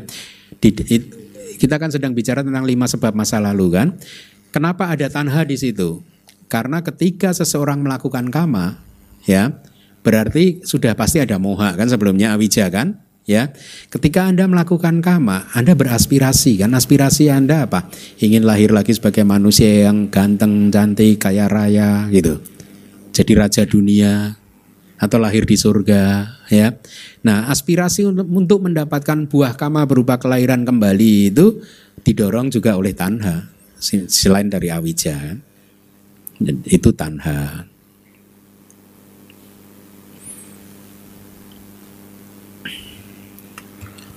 Oke, kita lanjutkan. Penta buah yang sekarang, palak pancaka itu bahasa palinya. Dari kondisi yang merupakan sebab dari masa lalu, penta buah yang diawali dengan kesadaran muncul di masa kini. Bisa paham ya? Yaitu winyana nama rupa salayatana pasa dan wedana. Hmm, Padik Sambidamaga begini lagi. Di dalam eksistensi yang sekarang, kehidupan sekarang kita ini ya, Padik Sandi itu adalah winyana, Ketika masuk ke dalam kandungan orang tua kita di sana ada nama rupa. Pesada yang berkembang di dalam kandungan itu adalah ayatana. Ya, setelah terjadi sentuhan itu yang menyentuh adalah pasa, ya, yang merasakan wedana. ya, kan ini kan buah di kehidupan sekarang kan, ada lima kan. Winyana itu yang mana? Winyananya ya Pati Sandi. Nama rupanya yang mana? Yang muncul sejak di dalam kandungan ya. Kemudian ayat anaknya yang mana? Yaitu pasada. Uh, pasada itu bahasa Indonesianya transparansi, ya. Uh, lima berarti yang batin belum. Yang telah menyentuh uh, adalah pasa, kontak, yang merasakan adalah wedana. Lima dhamma ini di sini uh, uh, mempunyai kondisi dari kama masa lampau. Betul ya? Oke. Okay. Nah, dalam hal ini Oh ya, ini di Pati Sambida ada kalimat begini. Di dalam upapati bawa, ya upapati bawa, itu memiliki kondisinya adalah kamar yang dilakukan di masa lampau. Jadi saya teringat sama Aling waktu hari Minggu atau apa itu menyampaikan buku dari Dr. Mentimun ya yang menyatakan secara eksplisit bahwa upadana tidak bisa menjadi kondisi untuk upapati bawa. Ya. Tetapi bukunya Sayadaw Usilananda mengatakan bisa. Upadana bisa menjadi kondisi untuk upapati bawa. Kalau dokter Mentimun mengatakan nggak bisa. Upapati bawa itu kondisinya kama itu ya. Saya waktu belajar di ITBMU tidak pernah ingat bahwa upadana nggak bisa jadi kondisi untuk upapati bawa itu. Saya lebih setuju dengan pernyataan dari Seado Silananda. Jadi upadana bisa menjadi kondisi untuk upapati bawa. Kenapa? Lo kan harusnya sebab langsungnya kama. Iya, sebab langsungnya kama. Tapi Anda ingat penjelasan saya yang pertama. Kita kalau berbicara patijak samupada adalah berbicara tentang faktor yang paling dominan. Gitu. Kita ini lahir bisa karena pelekatan kita, bukan karena kama. Artinya yang memang benar lahir karena kama, tapi faktor yang dominan adalah pelekatan kita. Tapi kadang ada kita lahir karena kama ini menjadi faktor yang dominan. Maka dalam hal ini kama menjadi kondisi untuk upapati bawa. Tapi kalau upadana itu sangat kuat dan kemudian karena upadana ini yang sangat kuat ini seseorang melakukan kama dan akhirnya lahir kembali, maka dalam padicak samupada ini adalah upadana pacaya upapati bawa. Kan banyak kan contoh-contoh di kitab suci kan. Karena seseorang pelekatan seseorang terhadap orang yang lain maka dia lahir lagi bertemu lagi bertemu lagi kan. Ya kan? Kalau contoh di pada itu kemarahan tidak bisa di uh, nahi werena. Hah? Kemarahan tidak bisa dipadamkan dengan kemarahan kira-kira begitu ya. Kalau Anda lihat ceritanya, kitab komentarnya itu kan ada dua orang yang bermusuhan, ya dia lahir ketemu lagi, ketemu lagi, ketemu. Karena dia saling melekatinya gitu. Gitu. Bukan karena kama mereka yang benih. Jadi faktor yang paling dominan adalah upadananya. Jadi kalau menurut pendapat saya, saya lebih setuju dengan pernyataan dari Usilananda bahwa upadana bisa menjadi kondisi untuk upapati bawa. Karena tidak ada pernyataan yang saya bisa temukan yang secara eksplisit mengatakan upapati bawa tidak bisa menjadi kondis dikondisikan oleh upadana. Tidak ada kalimat itu.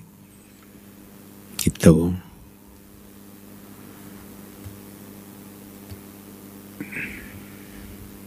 Ini lima sebab dari masa sekarang ya.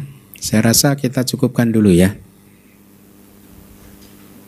Ini penta buah di masa yang akan datang. Ada bahasa palinya sudah saya berikan. Baik, terima kasih.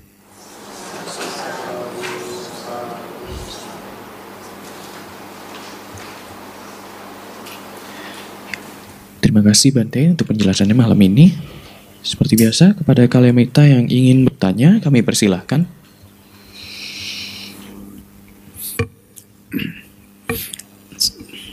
Sambil menunggu pertanyaan kita akrabkan dengan ini yuk. Anda pada bawa semua nggak Anda?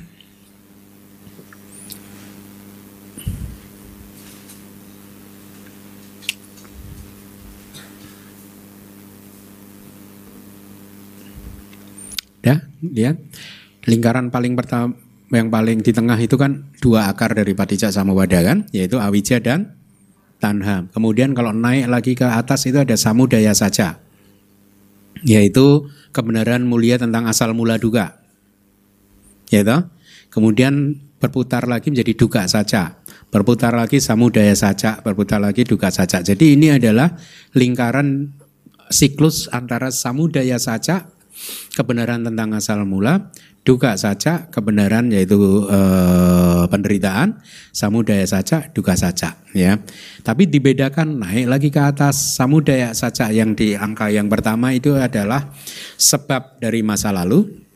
Yang nomor dua adalah resultan dari eh, resultan di kehidupan sekarang. Yang nomor tiga adalah resultan eh sebab di masa sekarang. Yang nomor empat adalah resultan di masa depan. Kemudian naik lagi pas period, jadi ini kehidupan lampau. Kemudian ke kanan ke nomor dua present, kemudian ini juga present lagi. Berarti dua ini adalah kehidupan yang sekarang. Kemudian yang nomor empat itu future period ya. Kemudian naik lagi yang pas period itu adalah awija dan sangkara, present period adalah winyana sampai w dana, tapi ini yang uh, resultan kan ya. Kemudian yang masa sekarang tapi yang menjadi sebab juga ada yaitu tanha upadana kama bahwa kemudian future period adalah jati upapati bahwa itu sama cara merana gitu. Kemudian naik lagi ke atas itu adalah lima pas causal continuum yaitu awija sangkara tanha upadana bahwa lima present resultant continuum yaitu resultan di sekarang yaitu apa? Winyana nama rupa selayatan apa sawedana lima present causal sebab di masa sekarang yaitu apa tanha upadana bawa awija sangkara, kemudian lima result atau wipaka di masa depan yaitu apa? Winyana enam. Jadi artinya di masa depan kita akan dapat wipaka ini lagi. Kalau selama kita belum jadi arahat kan? Ya. Nah, kemudian di paling atas itu tiga kilesa watak. Ya, siklus kilesa ada tiga, apa saja Anda tarik garis coklat itu turun dari kilesa watak panah turun awija kan? Berarti ini kilesa watak yang pertama. Terus Anda tarik lagi garis atas ketemunya tanha dan upadana. Berarti tiga kilesa watak adalah awija, tanha dan upadana.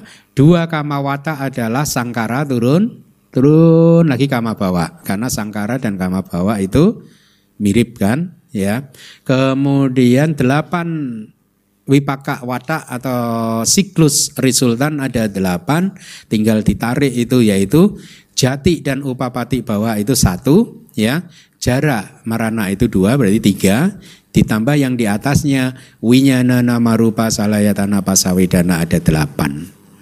Ya, Anda ini kan terus apa pelototin terus diagram itu supaya karena ini harusnya sangat membantu Anda untuk memahami uh, Padijak Samupada. Eh, harusnya ada lagi nih ada yang ini ya. Sebentar.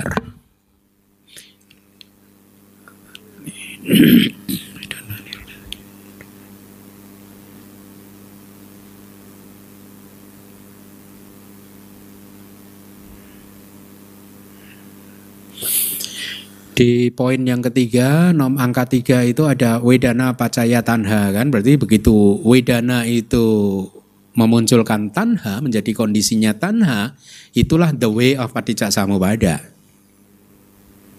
Paham ya? Begitu wedana menjadi kondisi untuk kemunculan tanha, maka the way of paticca samubada ini roda paticca samubada pasti berputar.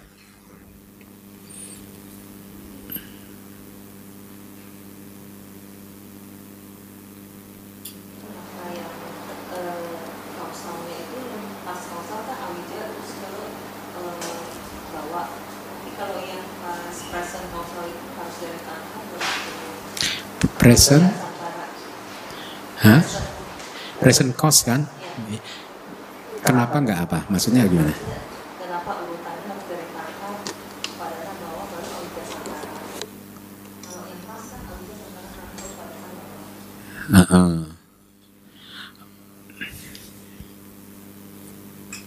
Oh.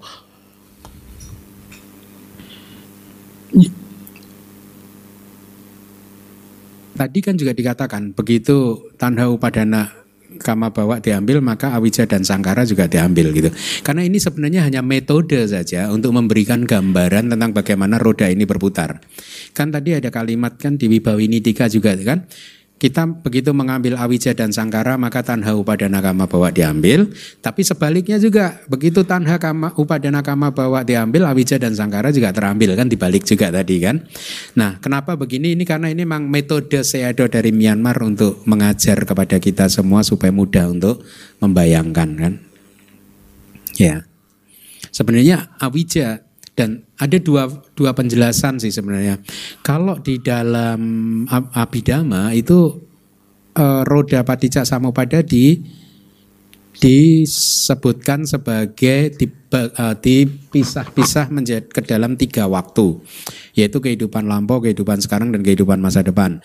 Tapi sebenarnya ini hanya cara untuk mengajar kepada kita saja untuk membayangkan saja bagaimana kehidupan ini berputar karena nanti di dalam patana akan disebutkan bahwa awi paticca samupada ini sebagian bisa muncul dalam satu kehidupan ini juga. Tidak harus tiga kehidupan gitu. Ya. Jadi ini hanya metode mengajar saja sih. Kayak sekarang kan kita punya awija. Ya toh? Dan sangkara juga terjadi di sekarang kan? Ya tidak.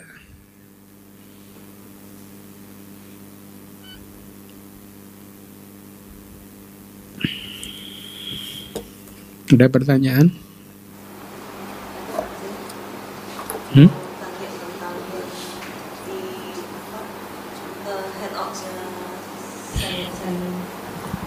Tentang tentang handout yang saya li yang mana? yang di halaman 7 Halaman 7. Oke. kan yang em, yang tentang five the five incidental consequence of jati yang soka eh, soka dan seterusnya itu Bante Nah, oh ya. Ha-ha. Tadi kan eh, yang pas Bante menjelaskan bahwa eh, kalau Awija itu eh, maksudnya eh, gimana? Awija itu kokoh, mereka juga ini ya yang soka dan Bukan ke- eh gimana? Dibalik. Eh, Soka. soka kokoh, hawija kokoh. Ha-ha, karena terus Bante mencontohkan kan kalau soka muncul itu kan ada Awija eh, kemunculan Awija sebagai moha gitu kan. Nah, yang di sini sih memang jelas sih Bante kalau dari yang catatan eh, yang dari yang file ini gimana so- soka itu unpleasant feeling associated with du- dua dosa mula cita. Jadi kan dosa mula cita memang muncul dengan moha. Nah, domanasa juga demikian muncul dengan dosa mula cita berarti ada moha. Upayasa itu juga adalah dosa cetasika yang muncul di dosa mula cita berarti muncul dengan moha juga. Nah, tapi kalau yang Duka. duka gimana tuh ya Bante ya? Nah, jadi duka eh, yang tadi pertanyaan. Iya. Hah? Kalau Pak Ridewa kan tadi mungkin eh, materi kan ya Bante ini ci- cita ja wipalasa sadarupa Ya, berarti kan materi. Ya, tapi Yang- kan disebabkan oleh batin juga, oleh cita juga. Ah. Ini kan cita aja kan. Ya, tapi kalau yang duka ini gimana ya Bante? Hmm. Duka wedana. Jadi kenapa tadi pertanyaannya? Eh, maksudnya karena berasosiasi dengan si mohanya itu awija. ini. Eh, ya, jadi karena ini adalah opsional ya, atau tadi kalau bahasanya Wibawini itu tidak mutlak, ya toh. Jadi khusus mungkin untuk duka bisa bisa juga dia itu eh, apa? Mengkondisikan awija juga bisa. Karena seseorang kesakitan ya. Kemudian dia eh, kesakitannya memang dari duka wedana. Eh, dari eh, kayak winyana ya. Tapi dari duka wedana yang muncul di kayak winyana akhirnya bisa memunculkan paridewa dan seterusnya gitu. Sehingga akhirnya juga awijanya muncul. Ya toh? Memang bisa jadi dia tidak memang tidak muncul bersamaan tapi bisa jadi awija muncul sebelumnya. Karena awija muncul sebelumnya ya kemudian mengkondisikan eh, eh, duka yaitu duka wedana atau awija muncul sesudahnya Oh. karena ada duka wedana akhirnya awija muncul Jadi Begitu. tidak harus muncul bersama gitu Oh maksudnya. tidak ya? harus muncul ya tapi dia akan mengokohkan gitu ya Mm, mm, mm. kalau soka paridewa dan seterusnya kokoh maka awija kokoh makanya tadi kayaknya saya sebutkan kan bisa kokoh bersama-sama berbarengan bisa, dalam waktu, yang, berbeda, Mm-mm. Baik Bante, makasih Bante. Mm-mm. nah kembali lagi saya ingatkan bahwa handout ini adalah suplemen jadi artinya ini juga harus Anda baca karena saya tidak lagi membuka kitab ini. Artinya ini melengkapi harusnya. Yang tidak ada di materi saya di sini ada, maka ini harus dibaca juga melengkapi. Ini reliable. Hmm. Ini reliable karena ini resmi dari ITBMU. Jadi bisa dipercaya gitu. Kalau saya rekomendasikan ya ini dibaca, bukunya Seedo Silananda dibaca. Itu hanya itu yang bisa saya rekomendasikan. Karena itu terpercaya gitu. Kemudian eh, materi-materi saya itu saya ambil dari kitab-kitab yang harusnya juga terpercaya kecuali saya menerjemahkannya keliru. kecuali saya menerjemahkannya keliru gitu. Mudah-mudahan enggak. Karena itu dari kitab. Jadi kalaupun saya sempat ada yang di sini tapi tidak saya jelaskan ya Anda maafkan saya. Karena memang saya fokus ke kitab yang lain. Tapi ini saling melengkapi harusnya gitu. Karena kayak ini kan tidak ada ternyata tadi paridewa cita ja wipalasa sadarupa saya tidak menemukan. Ya toh. Kemudian yang kemarin juga ada lagi apa ya kayaknya ya? Yang itu upapati bawa itu terdiri dari 32 wipaka cita. Ya, atau ini penjelasan misalkan Brahma ini kayaknya mungkin harusnya ada tapi saya skip ya. Eh, tadi ada Brahma mana? Oh, Soka Paridewa ini tidak muncul di Brahma, ini harusnya ditemukan sih, ada sih di kitab sih. Hmm. Dan Samdewa dan human beings juga. Nah, anda harus tahu nih, Brahma udah pasti nih. Soka eh, Arupa Brahma, Soka Paridewa nggak muncul kan? Rupa juga kan Bante. Rupa Kan dia nggak ada dosa mula cita. Ah, ya, Ya. iya. Duka domanasa, duka doman, eh duka, eh, duka wedana, Nggak ada, ada lagi. Eh, Ya. nggak ada kayak pasada ya. nggak ada. Sam dewa ini berarti eh, beberapa dewa yang tidak bisa mengalami itu ya dewa yang sudah mencap di sana menjadi seorang dewa anagami misalkan, ya toh?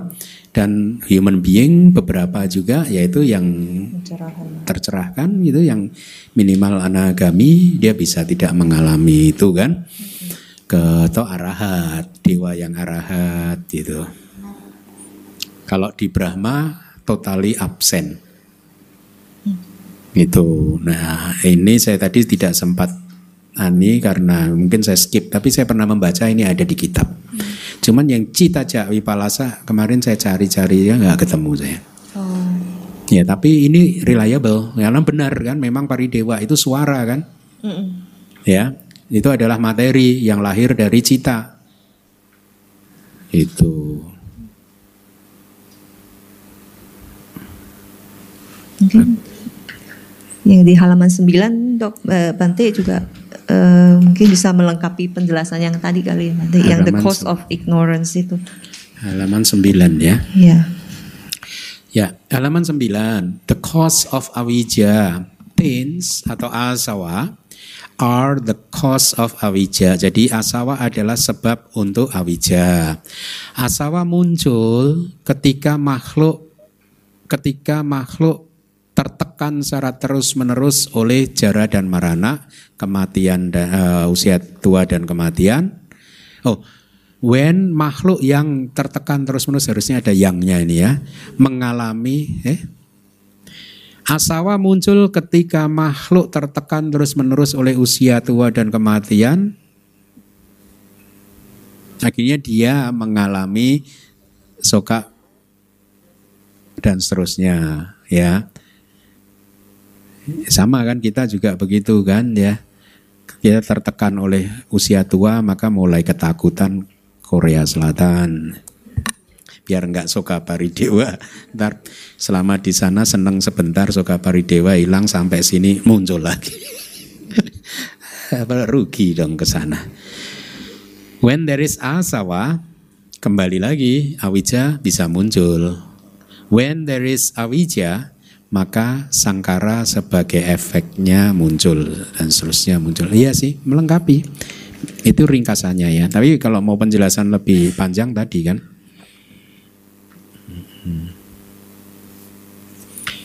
Nah hebatnya Myanmar itu mereka begini-begini ringkasan-ringkasan begini itu lengkap. Makanya saya sedang meminta ini sih eh, Seale untuk membawa buku-buku itu nanti kita pelajari bersama.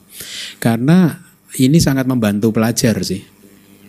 Karena ini adalah perasannya istilahnya begitu.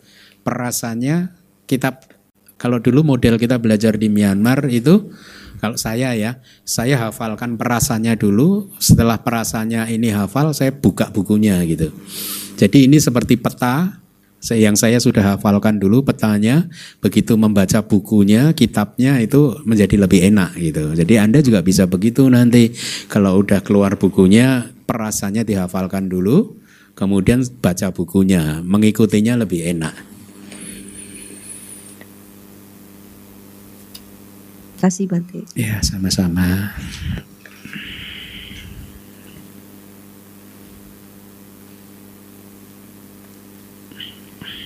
Masih kayaknya masih Patija Samupada sekali lagi.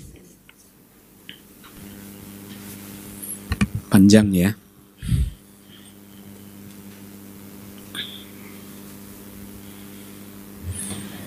Ada lagi yang ingin bertanya?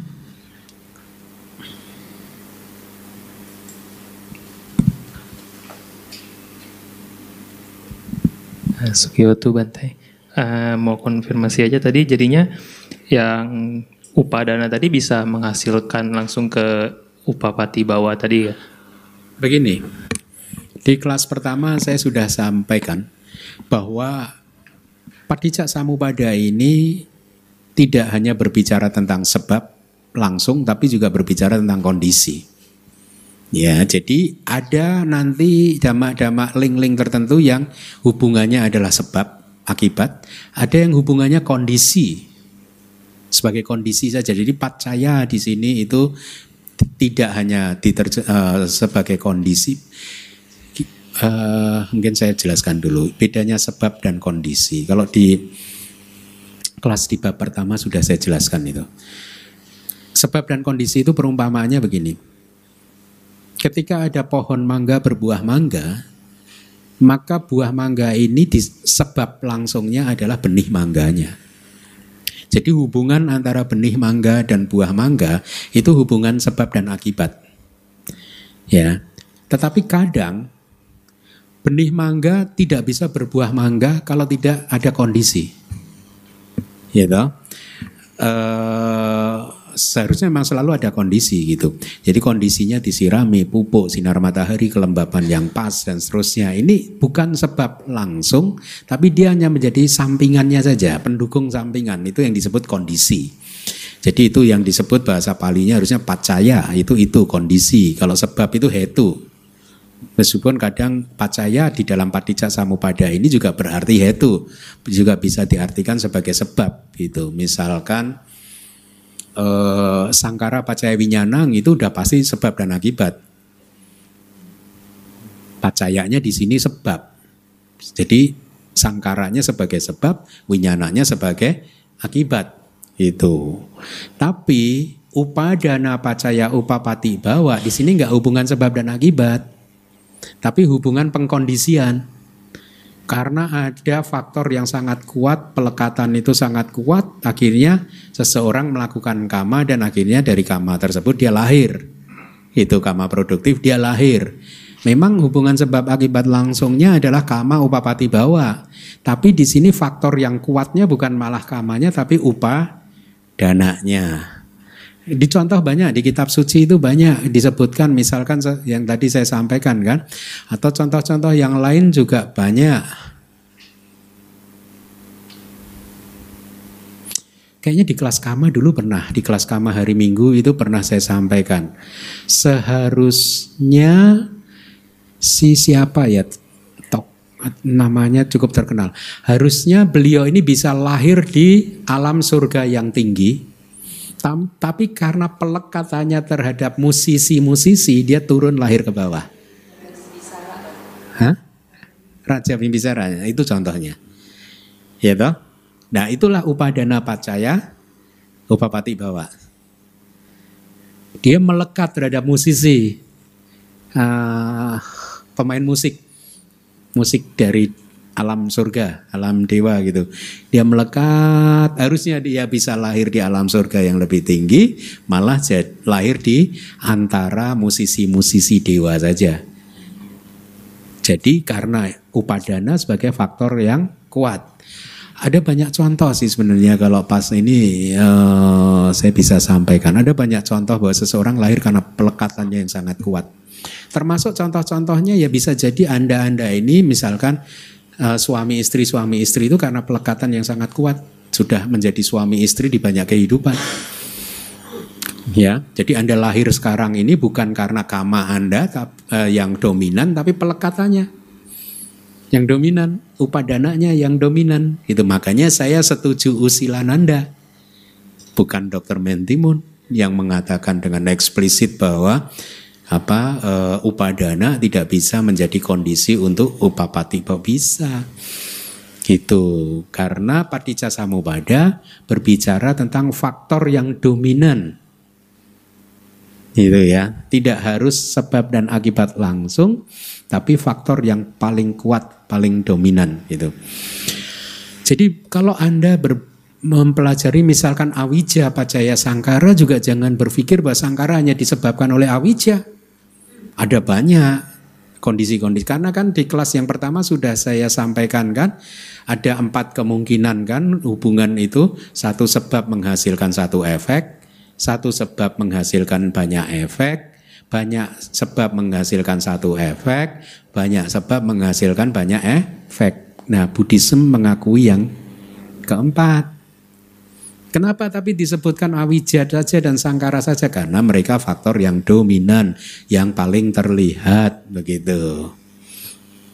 Ya, paham? Nah, jadi kalau misalnya tadi upadananya terlalu kuat, apakah boleh saya pahami? Jadi eh, linknya ada yang di skip bawahnya itu, jadi langsung upadana langsung ke jati gitu kan? Upadana kejati. Kan harusnya upadana, Upadana, bawah pacaya, upapati, bawa.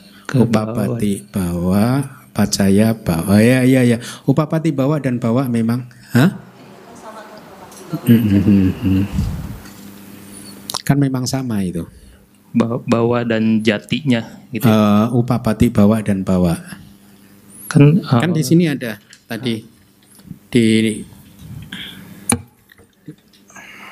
ini lihat nih di nomor 4 itu di future period itu. Jati dan Upapati bawa itu kan sama kan?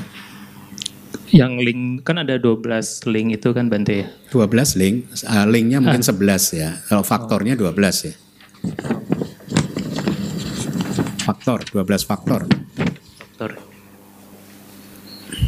Oh jadi kayak upadana, pacaya bawa, baru bawa pacaya jati, Mm-mm. kayak gitu kan Bante. Uh, upadana pacaya bawa, kalau bawa itu kama bawa. Hmm. Upadana pacaya, upapati bawa bisa juga. Berarti langsung ke jati gitu jadinya ya. Ya, upapati bawa dan jati sama. Sama saja. Jadi upapati bawa itu adalah jati pacaya jara marana. Jadi ada dua kemungkinan gitu jadinya ya Bante. Ada dua kemungkinan. Iya, iya. Di kelas lalu udah saya sampaikan kan. Upadana pacaya bawa kama bawa bisa. Upadana pacaya upapati bawa bisa. Oh, Oke. Ada dua. Ada dua. Jadi bawa ini memang bercabang dua. Hmm. Dibedakan menjadi dua.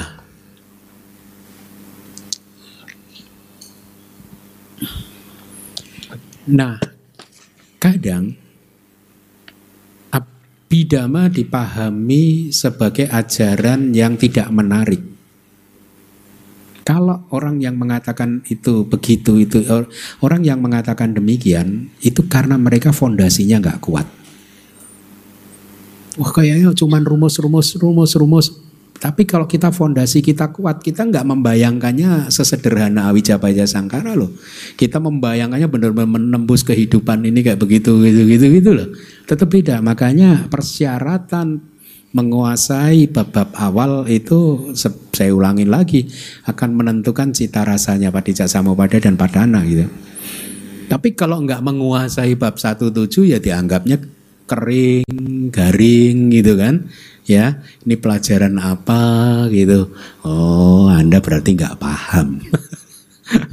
Kok kita yang mengerti pondasinya kuat itu, ini ajaran ini menarik karena kita mampu menembus apa yang ada di balik ini kok. Istilahnya begitu, membayangkan gitu dengan semua fondasi pengetahuan yang kita punya, kita bisa melihat apa yang ada di balik diagram ini, kira-kira begitu. Itu. Ya, makanya ada baiknya sih ada YouTube seperti ini kan. Saya menerjemahkan dari kitab-kitab kemudian dimasukkan ke YouTube dan itu kan jadi kayak monumen gitu kan bisa bertahan 100 200 tahun nggak tahu berapa tahun. Jadi ah, semoga dengan adanya begini ini pembelajaran abidama menjadi semakin meningkat meningkat meningkat begitu. Karena sudah mulai belajar sesuai dengan kitab itu tidak belajar dari pendapat pribadi gitu. Yang jauh dari akurasinya gitu.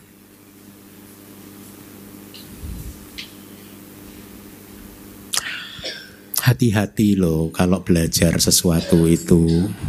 Atau juga kalau mengikuti nasihat guru itu hati-hati. Bahkan termasuk mengikuti nasihat saya. Saya mengalami sendiri artinya mengalami itu mendengar sendiri ada nasihat yang salah dari seorang guru yang dilakukan akhirnya oleh muridnya karena taunya dia adalah guru gitu.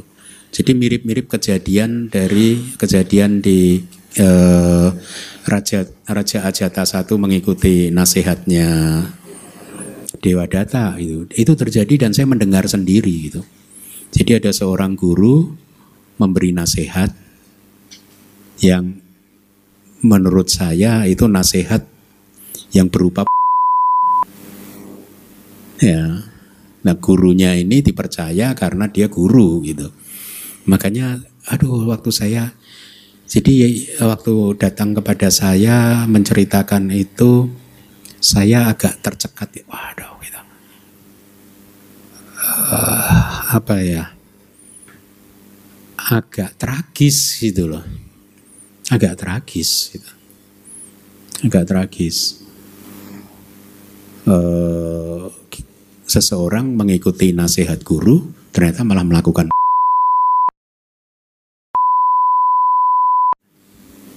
tragisnya. Tragis loh. Makanya saya agak aduh kalau cerita gini tuh merinding saya juga karena kasihan kan. Nah repotnya kan di Indonesia itu istilah saya banyak dokter tapi nggak pernah mau kuliah kedokteran gitu. Paham maksud saya? Karena dokter dia nggak mau kuliah kedokteran, maka yang diajarkan apa? Oh dia nggak pernah kuliah. Jangan pernah berpikir juga bahwa Wah belajar dhamma kan bisa belajar sendiri. Sebenarnya mirip kok Anda dulu fakultas ekonomi, fakultas apa Anda belajar misalkan. Itu kalau ada orang yang mengatakan kalau Anda sarjana ekonomi, kemudian ada orang yang mengatakan uh, kamu kamu apa kuliahnya apa dulu? Saya. Hah. Ekonomi. Hah. Pas ya. Kan Anda sarjana ekonomi. Kalau kemudian tiba-tiba ada orang yang ahli ekonomi dan mengatakan nggak perlu kuliah kok untuk jadi ahli ekonomi kan Anda bisa dalam hati ini orang ini gimana gitu kan. Jadi tetap harus kuliah. Beda belajar sendiri sama kuliah. Anda paham kan kita sama-sama pernah kuliah kan? Paham nggak maksud saya? Jadi sama yang orang kedokteran juga akan akan begitu juga kalau ada seseorang mengatakan jadi apa jadi dokter nggak perlu kuliah kok aneh juga kan karena tetap selama proses kuliah itu kita belajar secara komprehensif kan, secara lengkap kan di dalam perkuliahan kita itu kan. Yang itu tidak akan pernah bisa dicapai oleh seseorang yang nggak pernah kuliah gitu. Yang belajar sendiri pasti beda. Kita bisa membayangkan kan, ya. Nah, sama belajar dhamma juga begitu kok. Kalau yang tidak kuliah akhirnya bisa memberi nasihat yang salah loh. Yang itu tadi bisa tragis kan. Bisa tragis yang yang yang menuruti nasihatnya berpersepsi dia adalah guru. Dia adalah dokter. Repot kan? Lupa kalau ini dokter yang nggak pernah kuliah gitu. tragis, itu tragis gitu. Tragis. Saya kalau ingat merinding kok. Maka ya karena karena dia meskipun ini jadi meskipun belajar sendiri tapi tetap aja tidak lengkap kan. Ya, salah satu keuntungan kayak kayak Anda belajar ilmu sekuler gitu ya, ilmu ekonomi, kedokteran. Itu kan universitas sudah menetapkan kurikulumnya sedemikian rupa sehingga ketika kita lulus 160 SKS misalkan atau 100 sekian 40 SKS, kita udah diasumsikan kita udah menguasai semua poin-poin penting dalam bidang kita gitu. Gitu kan? Ya sama sih. Nah itu yang ini tidak akan pernah bisa didapat oleh seseorang yang nggak pernah kuliah. Karena kadang kita kan kalau kuliah kayak ini kan menghubung-hubungkan antara satu topik dengan topik yang lain. Ya Anda paham lah ya kan, Anda kita semua orang kuliah. gitu. Jadi tetap saja dalam belajar dhamma pun menurut saya tetap harus kuliah. Lo terus saya gimana Bante yang nggak pernah kuliah? Lo Anda kan kuliah nih di sini nih. di DBS ini kan kuliah ya. kan belajar dari kurikulum yang yang sebenarnya kan saya hanya menyampaikan atau mengadopsi kurikulum dari ITBMU kan. Termasuk awalnya juga kelas pariyati sasana juga saya sedikit banyak mengadopsi kurikulum dari luar juga. Jadi saya hanya apa namanya? tukang kopi. Apa sih? Tukang contek. gitu Awi. Iya, ya. masih Bante. Masih ada lagi yang ingin bertanya?